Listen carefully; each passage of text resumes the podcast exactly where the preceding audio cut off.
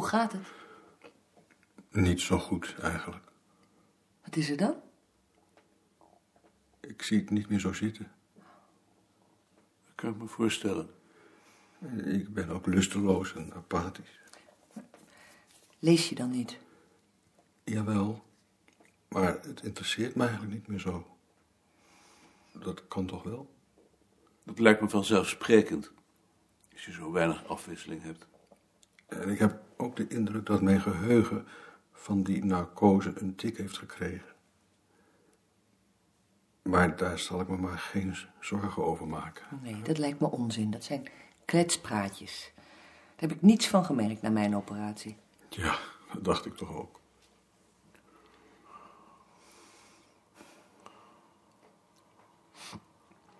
Hoe gaat het met die man hiernaast? Die mag volgende week naar huis. Ze hebben het er nou weer over dat ik hier niet kan blijven, maar dat ik naar een verpleeghuis moet tot de volgende operatie. Het is vlakbij Hilversum. Dus jullie kunnen me daar ook opzoeken. Hm, Misschien is het wel aardig. Ja, misschien wel. En dat huis in de, de Genestedstraat waar Kees voor bezig was? Dat gaat waarschijnlijk door.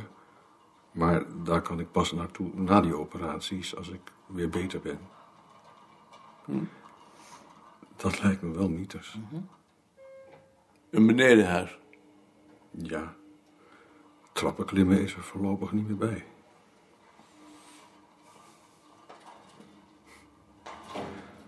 Henriette heeft nu Roodje genomen. Hè? Nou ja, Harriet niet. Die vrouw van dat huis waarin Harriet een kamertje heeft. Oh, ik dacht Henriette. Maar hoe kan dat nou?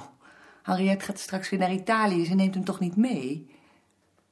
Nee, Het is ontzettend aardig van die vrouw, want die heeft zelf al drie poezen. ik vind het wel jammer dat ze niet bij jullie kon blijven. Ja. Het is verschrikkelijk jammer.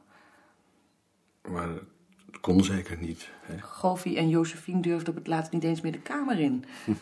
Ja, sorry hoor. Kun jij niets aan doen? Nee, maar ik heb haar tenslotte opgevoed. Been van je been en vlees van je vlees. Ja, zo is het eigenlijk wel.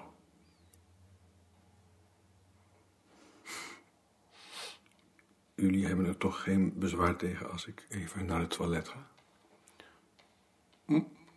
Moeten wij dan de kamer uit? Nee, daar gaat het niet om. Ja, dat heeft hij natuurlijk van Henriette, van die narcose. Dat denk ik. Zoiets zeg je toch niet? Maak je toch iemand alleen maar ongerust mee? En als er dan nog wat van waar was, maar het is gewoon onzin. Dat heeft Pathuis zelf gezegd. Het is hier benauwd. Ik zou me enorm opgesloten gaan voelen. Nou, misschien kunnen we straks naar de recreatiezaal gaan. Als je dat wil. Hij is erg in de put, hè, geloof ik. Is het gelukt? Nee, We dachten eigenlijk dat het misschien wel leuk zou zijn om nog even naar de recreatiezaal te gaan. dat is wel goed. Dan heb ik ook- nog wat afleiding.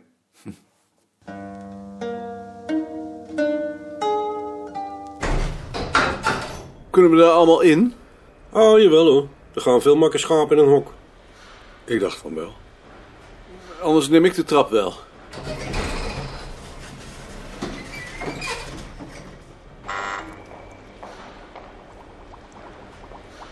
Soms duurt het tot 11 uur voordat ik mijn ochtendwater eruit heb. Kraan laten lopen, helpt niet. Piemel onder de koude straal houden, helpt ook niet. Nee? Je moet me maar niet kwalijk nemen, maar dat is mijn enige gesprekstof op het ogenblik. Dat krijg je als je zo weinig beleeft. Komt dat door de operatie? Ja, dat is sinds de operatie. Schrijf je zulke dingen nou ook op? Ja, anders was ik nergens meer. Ieder poepje wordt geregistreerd. Heel goed. En als je nou zou weten dat je doodgaat, Ik denk dat ik het dan toch ook nog wel zou opschrijven. Of jij niet? Nee. Ik kan alleen schrijven als ik het gevoel heb dat ik de situatie meester ben. Maar ik het heel goed natuurlijk.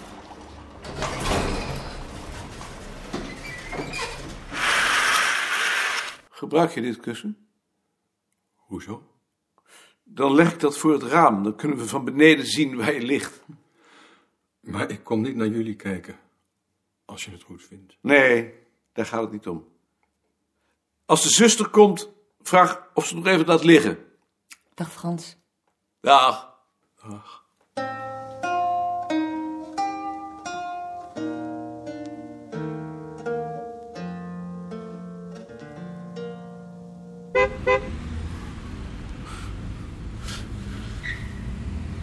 Daar ligt hij. Waar? Zie je het kussen? Ja.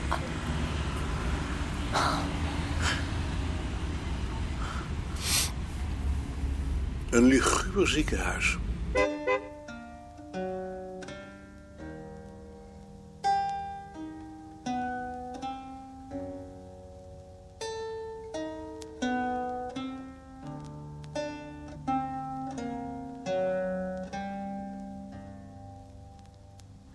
Hij legde de boedelbeschrijving die hij zojuist had afgewerkt omgekeerd op de stapel aan zijn rechterhand, pakte de bovenste van de stapel links, liet zich terugzakken in zijn stoel en las haar door.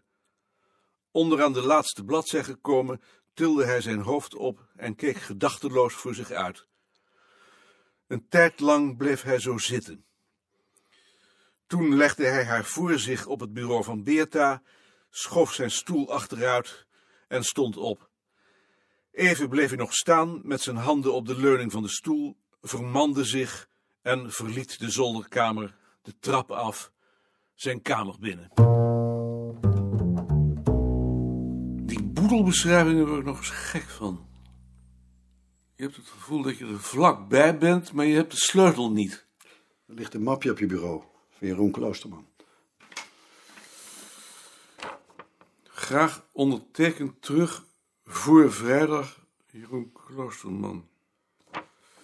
U heeft een kopie van een brief aan Goslinga als voorzitter van de wetenschapscommissie, ondertekend door Jeroen Kloosterman.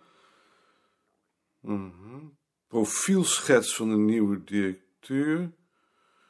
Ik neem de vrijheid om de wetenschapscommissie bijgaand een proeve van een profielschets aan te bieden daarbij de in de commissie gevoerde discussie als richtsnoer nemend. Ik doe dit weliswaar op persoonlijke titel, maar niet na mij verzekerd te hebben van de steun van de meerderheid van mijn collega's, van wie ik de eer heb de handtekeningen, handtekeningen bij te voegen, in de hoop dat ik daarmee een bijdrage heb geleverd aan de bespoediging van de procedure in het belang van alle betrokkenen, teken ik met de gevoelens van de meeste hoogachting Dr. J. Kloosterman. Profielschets. De nieuwe directeur moet voldoende wetenschappelijk gewicht hebben. Hij moet ten minste een van de drie wetenschapsgebieden van het Beerta-instituut beheersen, of in ieder geval affiniteit tot een van die gebieden hebben. Hij moet leiding kunnen geven en de nieuwe directeur moet gepromoveerd zijn. Uitroepteken. Dat is de volgende zet. En hij verzekert zich ook nog van een plaats in de selectiecommissie. Wat ga je nu doen?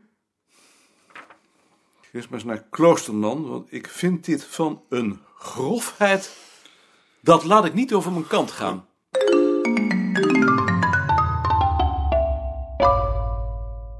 Jeroen?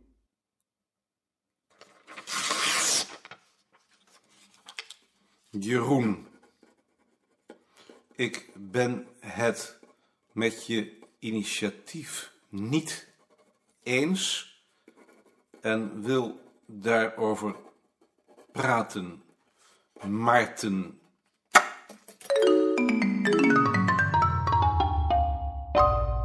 Huub, heb jij dat stuk van Jeroen al gelezen? Jij bedoelt de profielschets. Wat vind je daarvan? Ik heb hem eigenlijk alleen nog maar vluchtig gelezen. Heb je enig idee waarom hij dat initiatief heeft genomen? Ik denk om de procedure wat te versnellen. Maar dat is toch helemaal onze taak niet? Dat zou de wetenschapscommissie toch doen? Bovendien, waarom die haast? Waarom doet hij dat op persoonlijke titel in plaats van via de instituutsraad? Dat is toch idioot? We kunnen toch geen stuk gaan ondertekenen buiten de instituutsraad om? Dat- Die is daar toch voor? Dat is Jeroen toch niet? Nee. Nee, nee, daar heb je gelijk in. Zo had ik dat nog niet bekeken. En wat is het belang? Ons belang is toch alleen dat we straks een goede directeur krijgen? Zou het toch wel gek zijn als we van tevoren zelf beperkingen aanbrengen die ze straks tegen ons kunnen gebruiken als zich iemand meldt die toevallig niet aan die eisen voldoet? Laat de wetenschapscommissie dat maar doen. Dan kunnen we bezwaar aantekenen. Dat is onze rol. Je hebt volkomen gelijk. Ik moet nu alleen weg. Eh, Neem jij dat met Jeroen op? Ik heb hem al gezocht, maar hij is er niet. Als hij terugkomt dan. Ik geef je volledig carte blanche. Zeg maar dat ik het helemaal met je eens ben. Het is een onderdachte actie van hem. Huub Pastoor staat achter me. Ben benieuwd hoe lang dat zo blijft. Hij heeft me carte blanche gegeven. Ik heb je briefje ontvangen. Ja. Ik heb je profielschets gelezen en ik vind het idioot. Mag ik ook weten waarom? Om twee, om drie redenen. In de eerste plaats was de afspraak dat de profielschetsen worden opgesteld door de wetenschapscommissie en dan voor advies zou worden doorgestuurd naar de instituutsraad. Zo moet je mijn voorstel ook zien. Het is een handreiking. Maar je omzeilt de discussie in de instituutsraad door je al bij voorbaat van onze instemming te voorzien. Ik zie niet wat voor bezwaar daartegen is. Het kan de procedure alleen maar versnellen. Ik vind dat ondemocratisch. Maar wat ik het ergste vind, is dat je de wetenschapscommissie formele argumenten geeft om straks iemand af te wijzen die in onze ogen geschikt is, maar die om welke reden dan ook niet voldoet aan de profielschets. Kun je daar een voorbeeld van geven? Dan zou ik namen moeten noemen, want het gaat er nou juist om wie het is en dat doe ik niet. Dan ben ik ook niet overtuigd. Je hoeft niet overtuigd te zijn, je moet die brief alleen intrekken. Ik zie niet in waarom. Omdat ik daartegen ben en omdat Huub mij gerechtigd heeft te zeggen dat hij het met me eens is. Dat is een meerderheid. Huub heeft tegen mij gezegd dat hij het met mijn brief eens was en hij heeft ook zijn handtekening gezet. Dat was dan voor hij met mij gesproken had. Dat weet ik niet. Ik houd me aan wat hij tegen mij gezegd heeft. Bovendien kan ik die brief niet eens intrekken, want hij ligt al in concept bij de voorzitter, met de mededeling dat de handtekeningen nog volgen. Dat is toch te gek, zoiets overleg je toch? Ik heb het overlegd met Huub en Koos, dat is een meerderheid. Ik vind het voldoende. Dan wil ik er alsnog over praten. Ik zie daar de zin niet van in. Ik wil het. Ik eh, zal zien of ik ze bij elkaar kan krijgen. De heren spelen het hard. Ik ben echt verbijsterd. Dit is op het schofterige af. Ik zou toch maar oppassen, want je verliest dit. Ik kan dit niet verliezen, want ik wil geen directeur worden. Dat weten ze alleen niet. Koos heeft geen behoefte aan een gesprek. Hij geeft me carte blanche en Huub is er niet. Dan morgen. Morgen kan ik niet. Vrijdag dan. Goed. Hoe laat? Half elf. Goed, half elf. Wat denk je ervan? Dat Rentjes en Balk hierachter zitten. Ze zijn hem natuurlijk gaan knijpen toen ze hoorden dat het hoofdbureau de directeur voortaan maar voor vijf jaar wil aanstellen.